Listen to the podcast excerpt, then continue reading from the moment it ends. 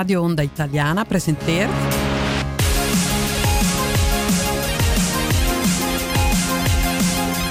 Voice of the Town.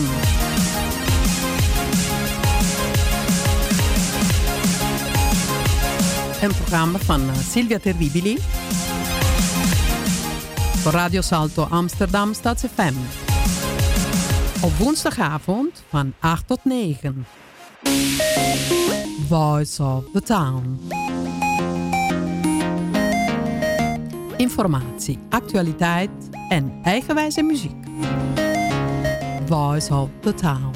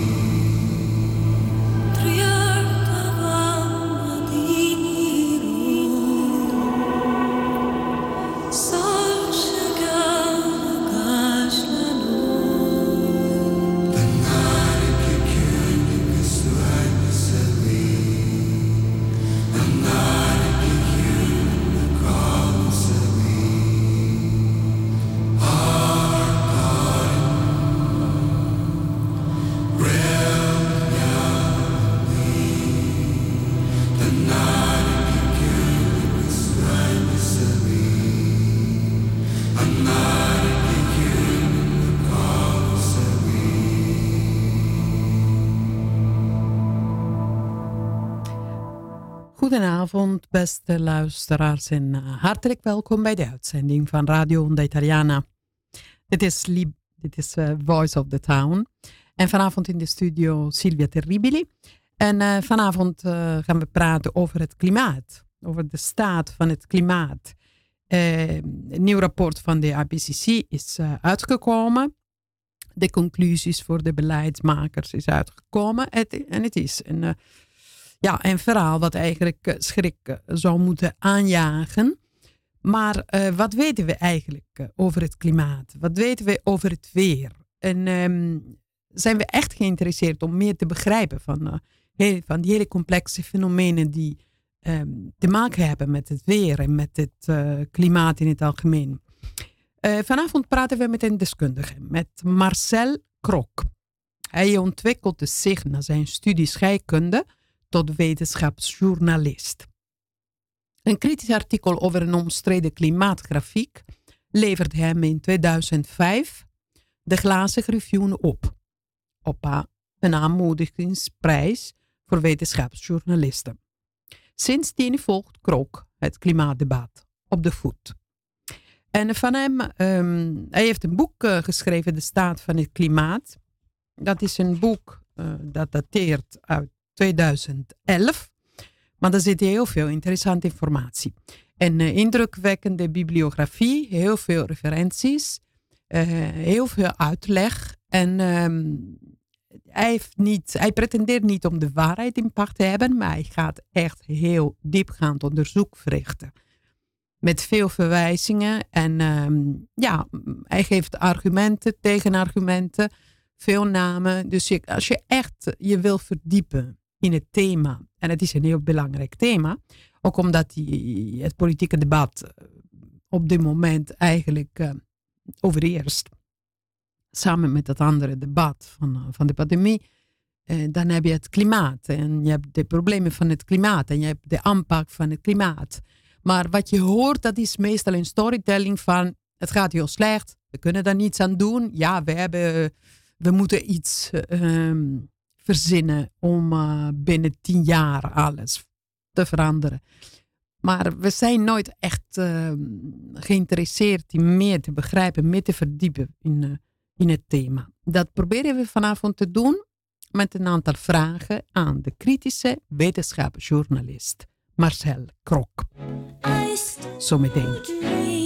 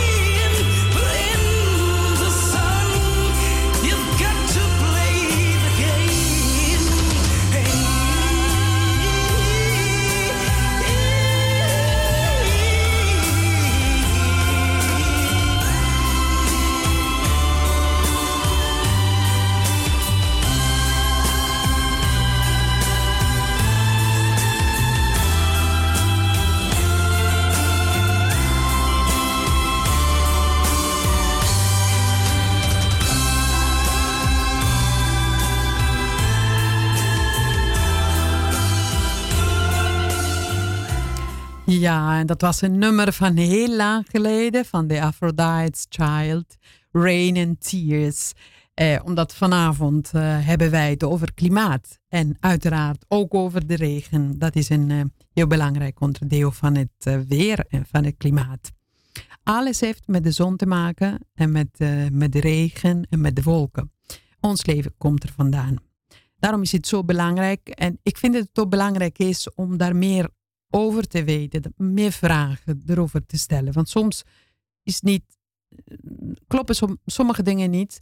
Ik heb een beetje het idee dat wij een soort. Uh, klimaat is ook een beetje religie geworden. Een beetje zoals de pandemie.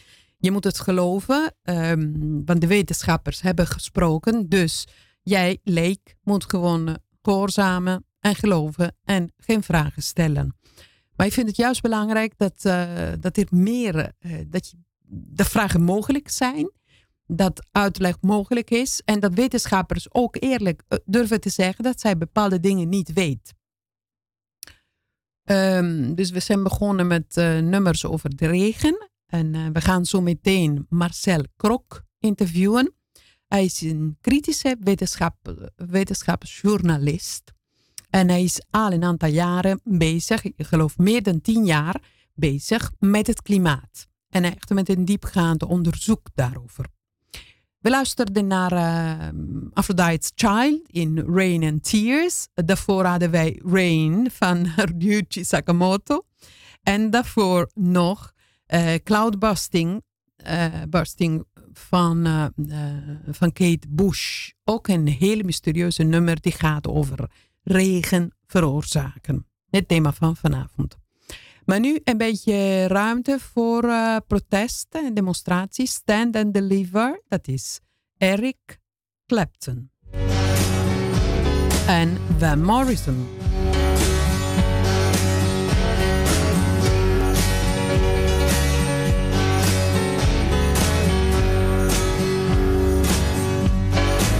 Stand let them put the fear on you. Stand and deliver. But Not a word you heard was true. And if there's nothing you can say, there may be nothing you can do. Do you want to be a free man? Or do you want to be a slave? wanna be a free man? Or do you wanna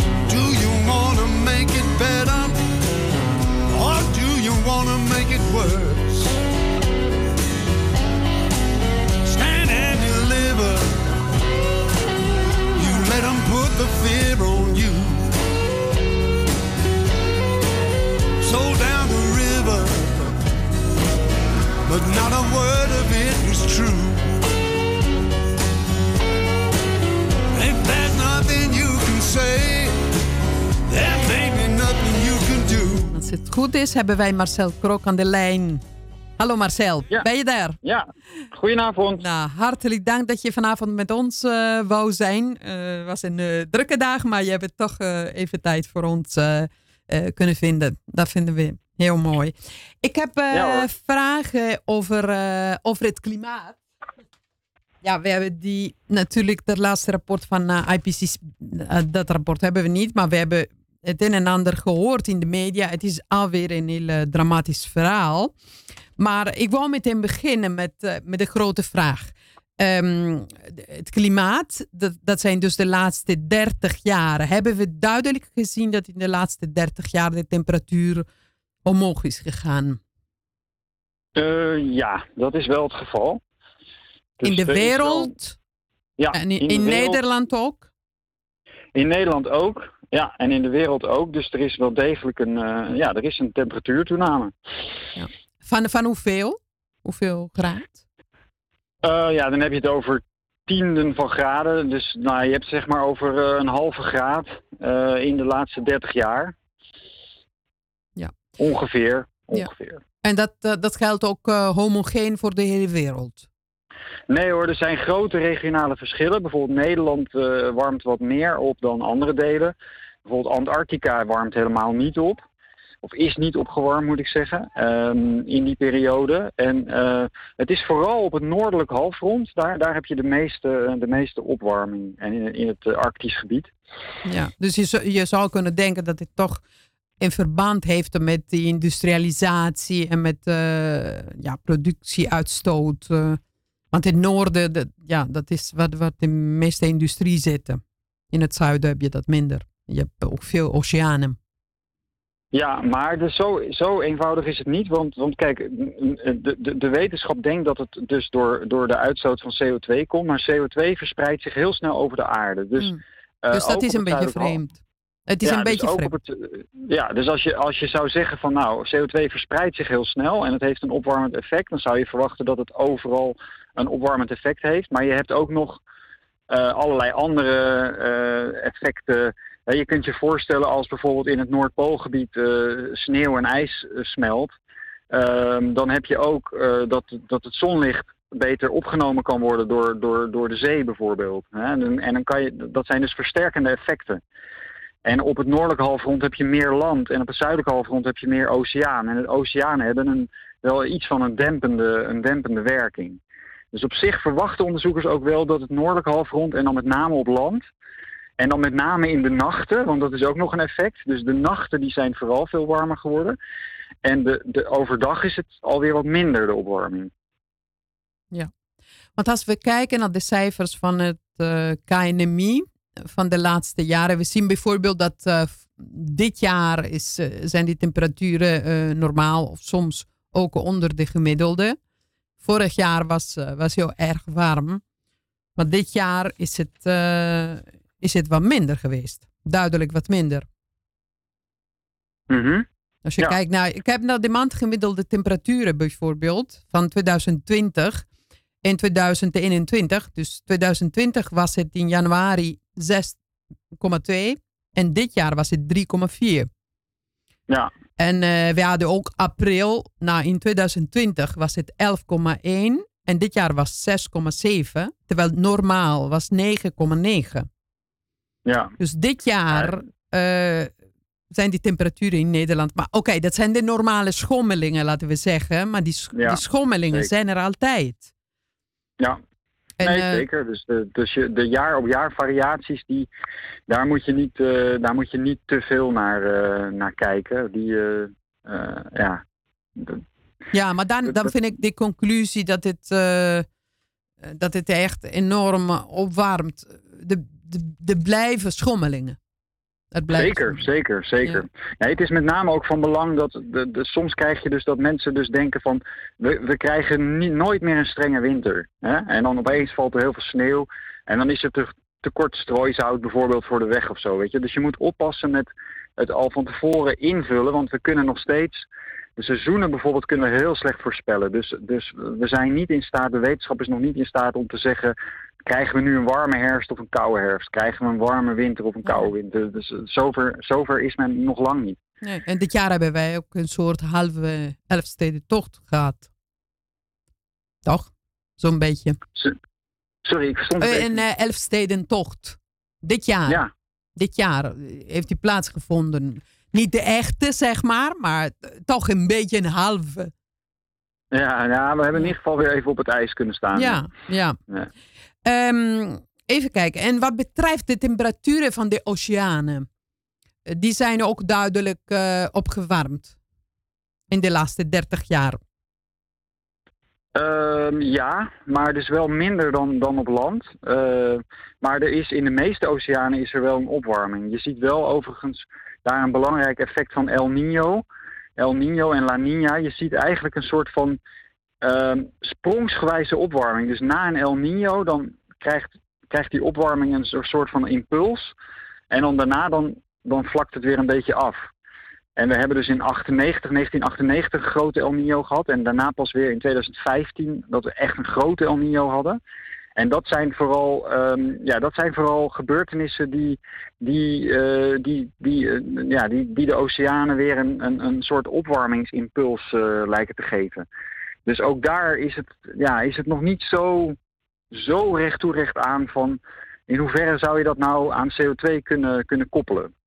Ja, en we hebben ook die, de zogenaamde thermohaline circulatie. Dat is, een, ja, dat is het uh, inzinken en dan weer omhoog komen zeg maar, van stromingen in de oceaan. Dat is een hele lange, uh, hele lange route zeg maar, van deze stroming. En de, het hele hele ronde duurt ongeveer 1600 jaar.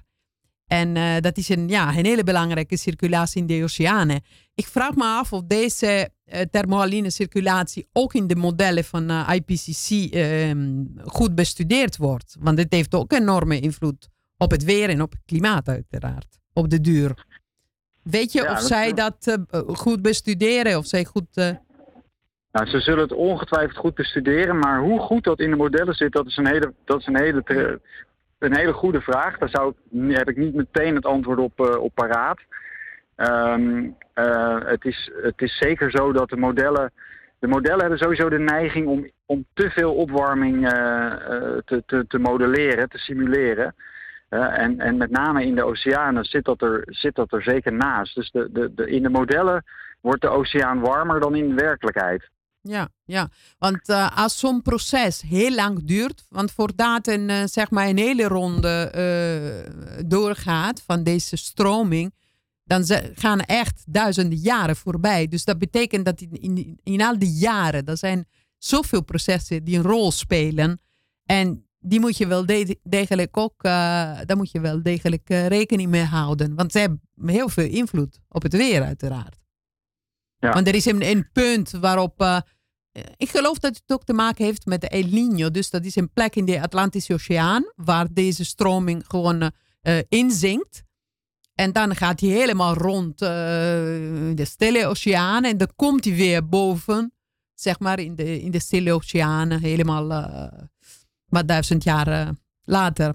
Dus ja, ik vraag me af waarom dit, dit soort studies niet meer aandacht krijgen. Want oceanen zijn natuurlijk uh, heel belangrijk voor het klimaat. Want het, vanwege dat verkoelende effect. En ook omdat de temperaturen van de oceanen uiteraard het weer het meest bepalen. Ja, ja. Nou, er, is wel, er is wel heel veel aandacht voor de oceanen hoor. Dus uh, alleen krijgt het misschien in de, in de. Kijk, op het moment dat zo'n IPCC-rapport uitkomt, krijgt het niet heel veel nadruk. Ehm, kijk, je ziet toch bij, bij, bij het uitkomen van zo'n IPCC-rapport dat ze heel erg proberen ja, te benadrukken welke dingen, welke dingen heel erg nadelig zouden zijn in, in, in de ogen van het IPCC. En ja, misschien dat de veranderingen in oceanen, die zijn ook zo klein. Die oceanen die, die, die bevatten verreweg de meeste energie. Als je de oceanen vergelijkt met de atmosfeer, dan zit bijna alle energie van het, van het klimaat zit allemaal in de oceanen. Dat betekent ook dat die, eh, die oceanen die warmen ook maar heel langzaam op. He, dat gaat echt over, als je kijkt naar de, naar de bovenste 200 meter van de, van de wereldwijde oceaan, dan heb je het echt over honderdste van graden. En, en dat, dat, is ook, dat is ook bijna de vraag hoe goed dat, hoe goed dat überhaupt te meten valt. Hè. We hebben, nog, we hebben pas, pas vrij recent hebben we, hebben we een netwerk van boeien in de oceanen die dat een beetje beginnen te meten. Maar dat is echt pas 10, 20 jaar dat we nu metingen beginnen te verzamelen daar. Dus, maar kijk, er gebeurt wel heel veel onderzoek, maar dat, ik, ik, ik ben het wel mee eens. Dat, dat, dat krijgt wel minder aandacht in. Uh, ik vind het een beetje oppervlakkig dat er echt enorm geschreeuwd wordt van uh, het is dramatisch, dit en dat. Maar echt, uh, wat gebeurt in de oceanen, op in, diepere, in de diepe wateren, zeg maar. Want die oceanen zijn ontzettend diep. Dus ja, ik denk dat het nou, het valt me op dat, dit, uh, dat er zo weinig, uh, niet genoeg aandacht voor is. Uh, ik heb een mhm. andere vraag. in je boek heb je het helemaal het, ehm, de toestand met die hockey, hockeystick-schandaal aangekaart. Ik vond het een heel ja. boeiend verhaal. Je boek trouwens, De Staat van het Klimaat, dat vind ik echt een heel interessant boek. Want er zit zoveel mm in, zoveel verwijzingen. En je hebt niet de waarheid in pacht, hè? maar ja, je vertelt heel veel. En men kan zelf verder uh, gaan zoeken, gaan kijken, gaan controleren. Gaan, uh, dus je, en je geeft argumenten en tegenargumenten. Dat vind ik heel interessant van het boek. Die kan ik uh, helemaal aanraden aan mensen die een beetje dieper willen gaan dan, dan, die, dan de vaste mantras die, die je in de media hoort. Maar hoe zit het met dat hockeystick? Hebben, heeft die IPCC weer die hockeystick grafiek naar voren geschoven? Ja, dat, dat klopt. Dat was, vond ik zelf ook enigszins verrassend. Ze hebben het in het, in het vierde en vijfde IPCC-rapport hebben ze er wat minder prominent aandacht aan, aangegeven. Ehm, maar nu, is, ja, nu hebben ze hem weer van stal gehaald. En, en, en ja, het is toch wat, wat, wat een Canadese onderzoeker die, die ook heel veel naar die hockeystick heeft gekeken. Wat hij ook zegt is van ja, het lijkt wel of ze een soort van verslaafd zijn aan, aan hockeysticks bij het IPCC. Omdat ja, het is, is zo'n verleidelijke grafiek, hè? want die grafiek suggereert dat er een soort van stabiel klimaat was in het verleden. Dus die hockeystick laat de laatste 2000 jaar zien. En dan suggereert het dat van het jaar 0 tot het jaar 1850 ongeveer dat het vrij stabiel was. En daarna schiet het omhoog. dus dat, dat heeft dan heel erg wekt dat, wekt dat de indruk van, nou ja, het klimaat was min of meer stabiel. Totdat we CO2 gingen uitstoten en toen ging het meteen als een, eh, als een raket omhoog. En um, ja, wat die Canadese onderzoeker uh, op zijn blog uh, opmerkt is dat, ja, hier lijkt toch wel echt sprake van heel selectief, heel selectief citeren uit, uit, uh, uit de beschikbare data. Je moet je voorstellen dat zo'n hockeystick, die is gebaseerd op uh, op boomringen, op koralen, op ijskernen, op oceaan, sedimentkernen, op, op nou ja, van allerlei indirecte temperatuurmetingen.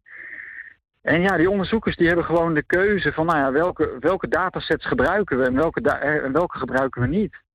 En heel veel data die laten überhaupt heel weinig zien, uh, ook niet in de 20e eeuw. Dus, dus als je die data allemaal op een hoop zou gooien, dan zou je eigenlijk gewoon een beetje ruis, een soort ruissignaal zou je dan zien. Dan zou je gewoon helemaal niet zoveel, ja, er, zit niet een heel duidelijk signaal in.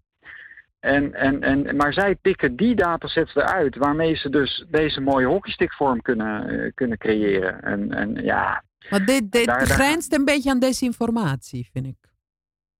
Ja, ik, ja ik, ik, ik, vind het, ik vind het vooral. Het zou eigenlijk een beetje goed eh, gedebankt moeten worden. Want ik vind dat je met dit soort dingen. We praten over ontzettend belangrijke dingen.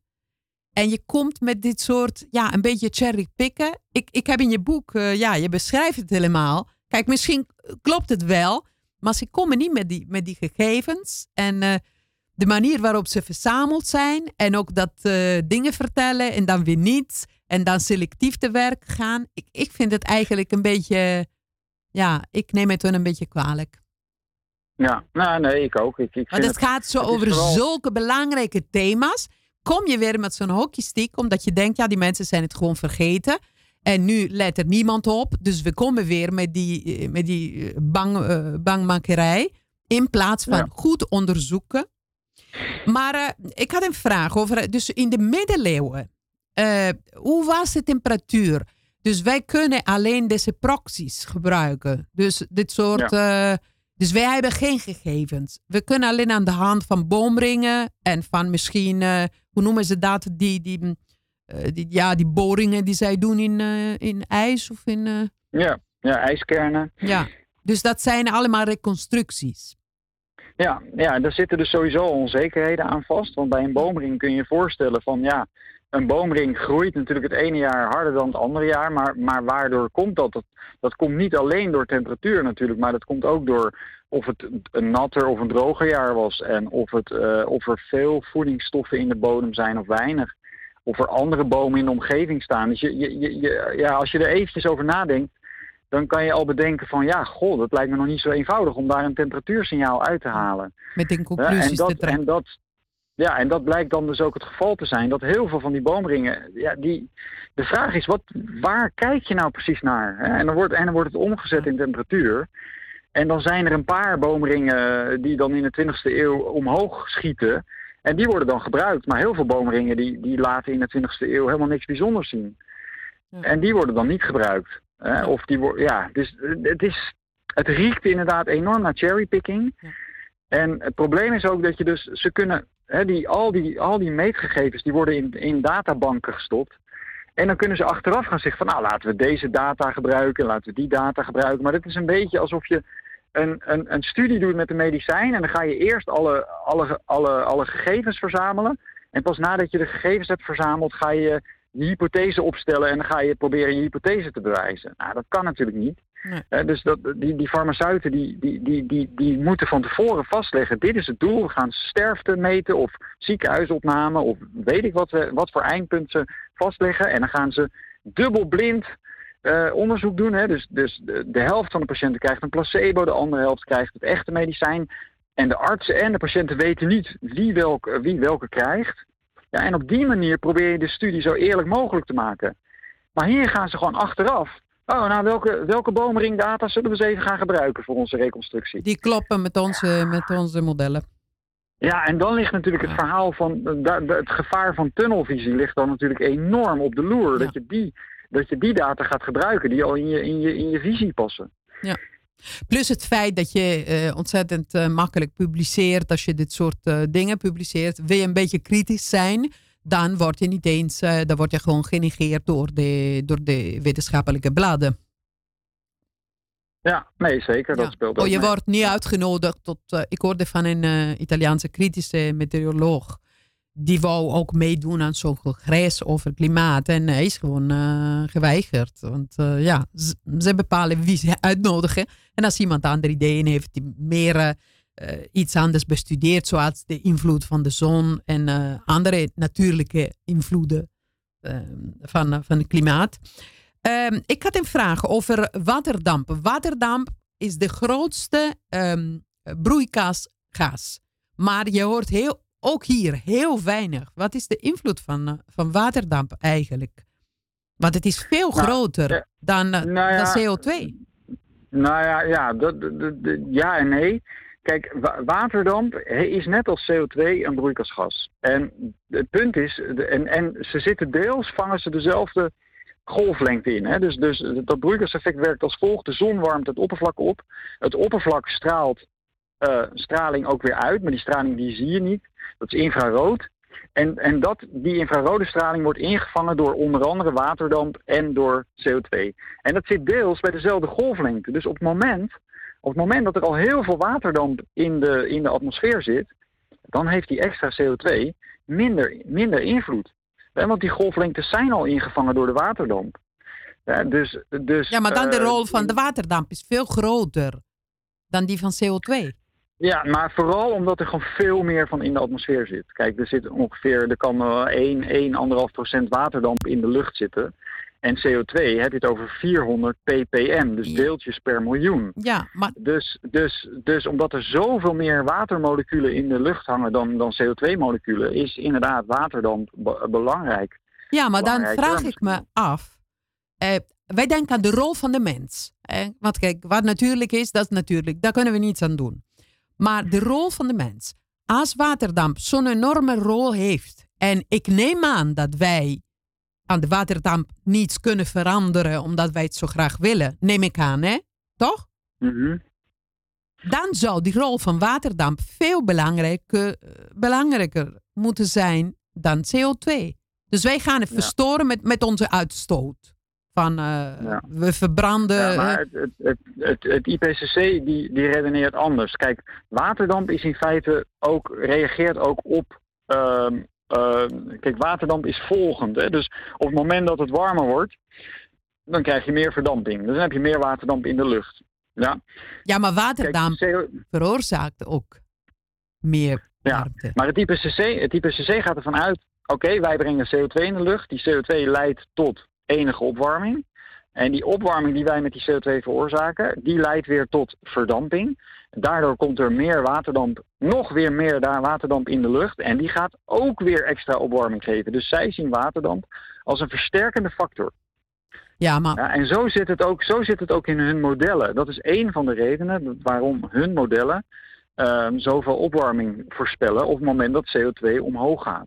ja, dat maar is eigenlijk. het is, ik bedoel, eh, als je, eh, dat, dat is een natuurlijke cyclus. Dus je krijgt, het is warm, het verdampt, het condenseert, het regent. Dat is de natuur. En dit blijft, ik bedoel, als wij het versnellen omdat wij het warmer maken, oké, dan heb je meer verdamping. En dan zou je vaker regen moeten hebben. En dan ga je het evenwicht weer eh, herstellen. Ik bedoel, waarom wordt die rol van dat waterdamp op zich? Want ik begrijp wel, zij zeggen het wordt warmer, dus meer verdamping. Oké, maar dan ook meer condensatie, ook vaker regenen dan. Dus je, ik begrijp niet waarom zij de rol van, van de waterdamp, de natuurlijke rol van waterdamp, op die manier onderschatten. Want het is niet zo dat wij die, die regen kunnen, eh, kunnen be- beïnvloeden. Kunnen we dat? Dat kunnen we toch niet? Eh, nee, dat kunnen we niet. Tenzij, Nee, nog- ja, dat willen ze graag doen. Want ik heb gelezen Ja. van die experimenten van China bijvoorbeeld. Die is echt Mhm. bezig met, eh, ja, met eh, klim- klimaatengineering en met regenengineering. Dus dat willen ze echt gaan doen. Ik hoop dat het niet, niet zo ver komt, want het lijkt me verschrikkelijk dat wij iets aan de regenpatronen gaan doen. Want dat kan je alleen maar rampen veroorzaken. Maar goed, normaal gesproken, dan kan je de regen niet beïnvloeden. Mhm. En dit zou normaal dus ja, vaker verdampen, vaker regenen. En dan heb je weer een evenwicht. Maar ik, ja, ik begrijp niet waar- waarom het eh, niet, niet op deze Zij- manier... Zij, eh, gaan, er- zij, gaan er, zij gaan er dus vanuit dat er structureel eh, toch meer waterdamp in de atmosfeer zal komen. En dat die waterdamp dus bij zal dragen aan extra opwarming. Dat is wat hun modellen Ja. su- suggereren. En, en het, het punt is wel dat dat nog steeds niet goed aan te tonen is met metingen.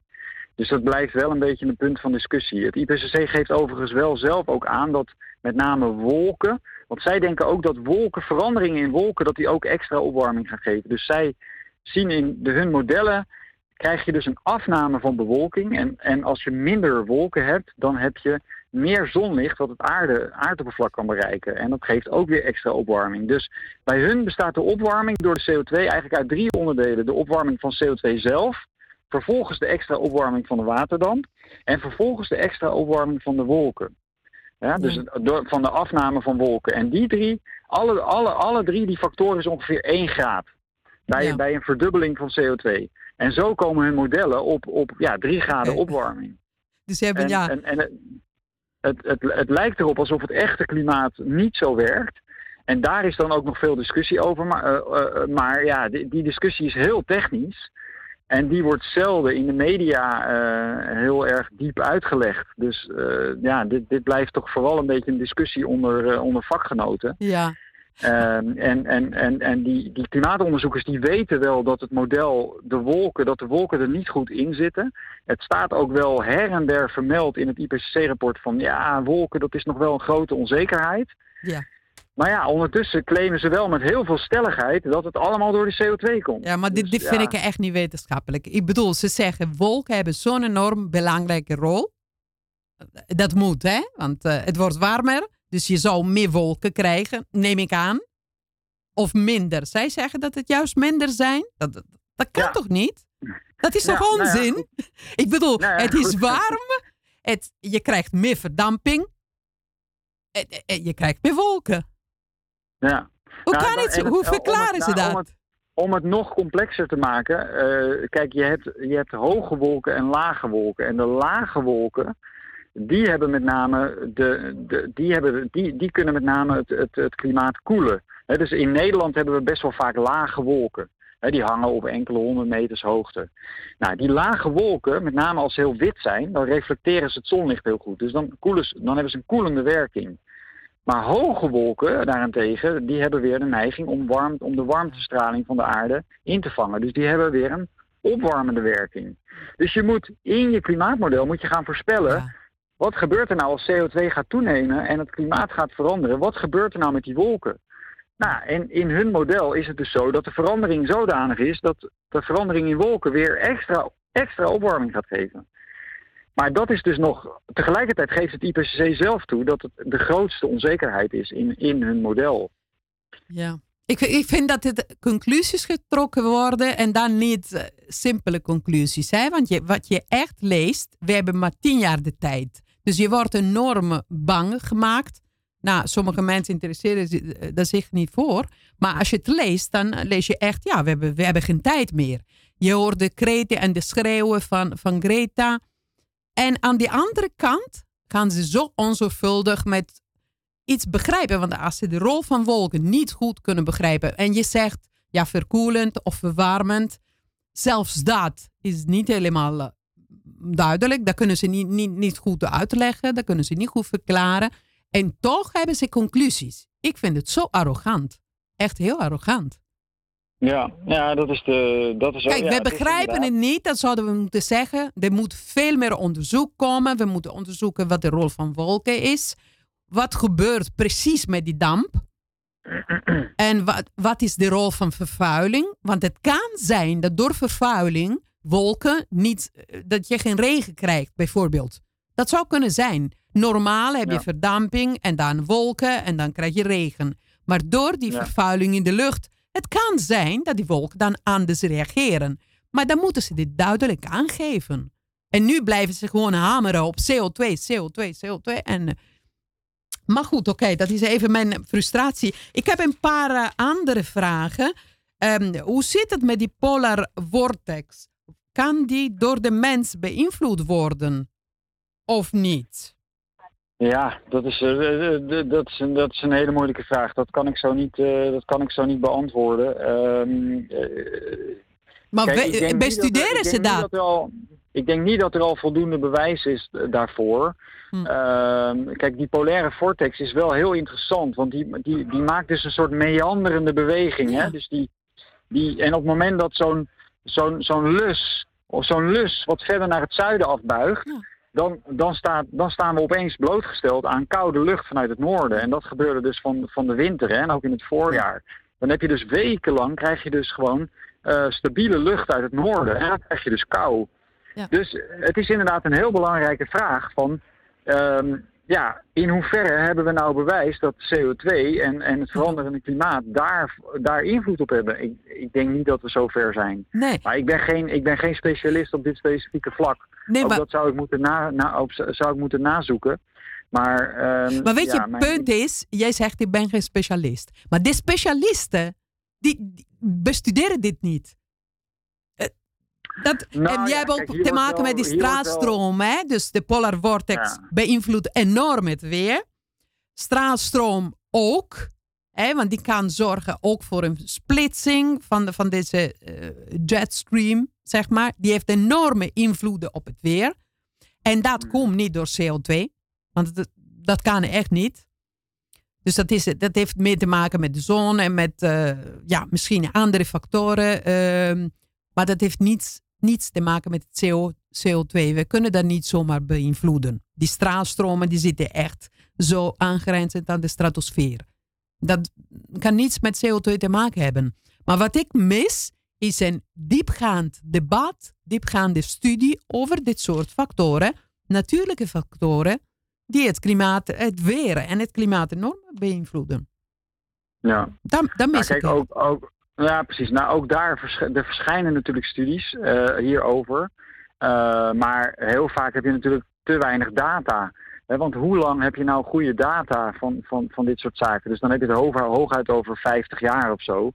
En dan is de vraag van ja, als je al veranderingen ziet, uh, hoe makkelijk kun je dat ergens aan toeschrijven? dus dit is allemaal, dit, dit is zo lastig om dit soort dingen te bewijzen, überhaupt of er veranderingen zijn. En dan B, waardoor ze veroorzaakt zouden worden. Ja. ja, Dus, dus, dus ik zeg dan van nou ga dan vooral uh, proberen zoveel mogelijk gewoon te kijken, die fenomenen te bestuderen. Ja. Niet te snel conclusies trekken, en, en, en, maar wel kijken van hé, hey, hoe, hoe kunnen we nou begrijpen waar, waar die veranderingen in zo'n in zo'n um, polaire vortex vandaan komen. Ja, ja, wat is de invloed van de stratosfeer? Want je hebt ook te maken met verschijnselen in de stratosfeer. En uh, dat weten we ook niet precies. Ja, af en toe hoor je iets daarover. Maar het verbaast mij dat er zo gauw die religie komt van... we hebben tien jaar, we hebben minder dan tien jaar. We moeten dit en we moeten dat. We moeten van het gas af vanwege die CO2. Dus je komt met die hele harde uh, statements. En aan de andere kant kan je zoveel niet uitleggen, niet verklaren. En je bestudeert het niet. En je laat kritische wetenschappers dat ook niet doen. Want het wordt ook niet aangemoedigd. Want als je dat probeert, dan uh, krijg je geen subsidie. Dan uh, ga je geen onderzoek doen. Dan kan je beter je concentreren op uh, op die vreselijke effecten van gletsjers die, die smelten en ja, al die dingen die we dagelijks horen. Maar ik moet helaas afsluiten. Maar ik vond het heel interessant. En ik hoop dat ik nog een keer bij jou terug kan met ja, weer verdieping van dit soort onderwerpen. Want ik vind het echt ja. heel belangrijk om erover te praten. Je stelt hele moeilijke vragen. Misschien dat ik volgende keer van tevoren de vraag even moet. ja, dat ga ik absoluut doen. Dan kan ik me wat, kan ik me wat beter voorbereiden nog. Uh. Ja, ja, ja, sorry, sorry. Dat, uh, ik zal het zeker doen, uit, maar... want dat zijn thema's waar ik echt een paar jaren mee bezig ben. En uh, het antwoord ja. kreeg ik helaas van niemand. Nee, nee maar dat, het vereist ook research. Ik ja. bedoel, dat is echt, dat, is echt dat, schudt, dat schudt niemand zo even uit zijn mouw. Ja. En uh, daar ben je zomaar een paar uur mee bezig om dat even bij elkaar te zoeken. Ja. Dus, uh, Bedankt Marcel. Ik moet even afsluiten. Okay. Tot ja, ziens. Dank je. Fijne avond. Dag. Dank je. Dit was Voice of the Town.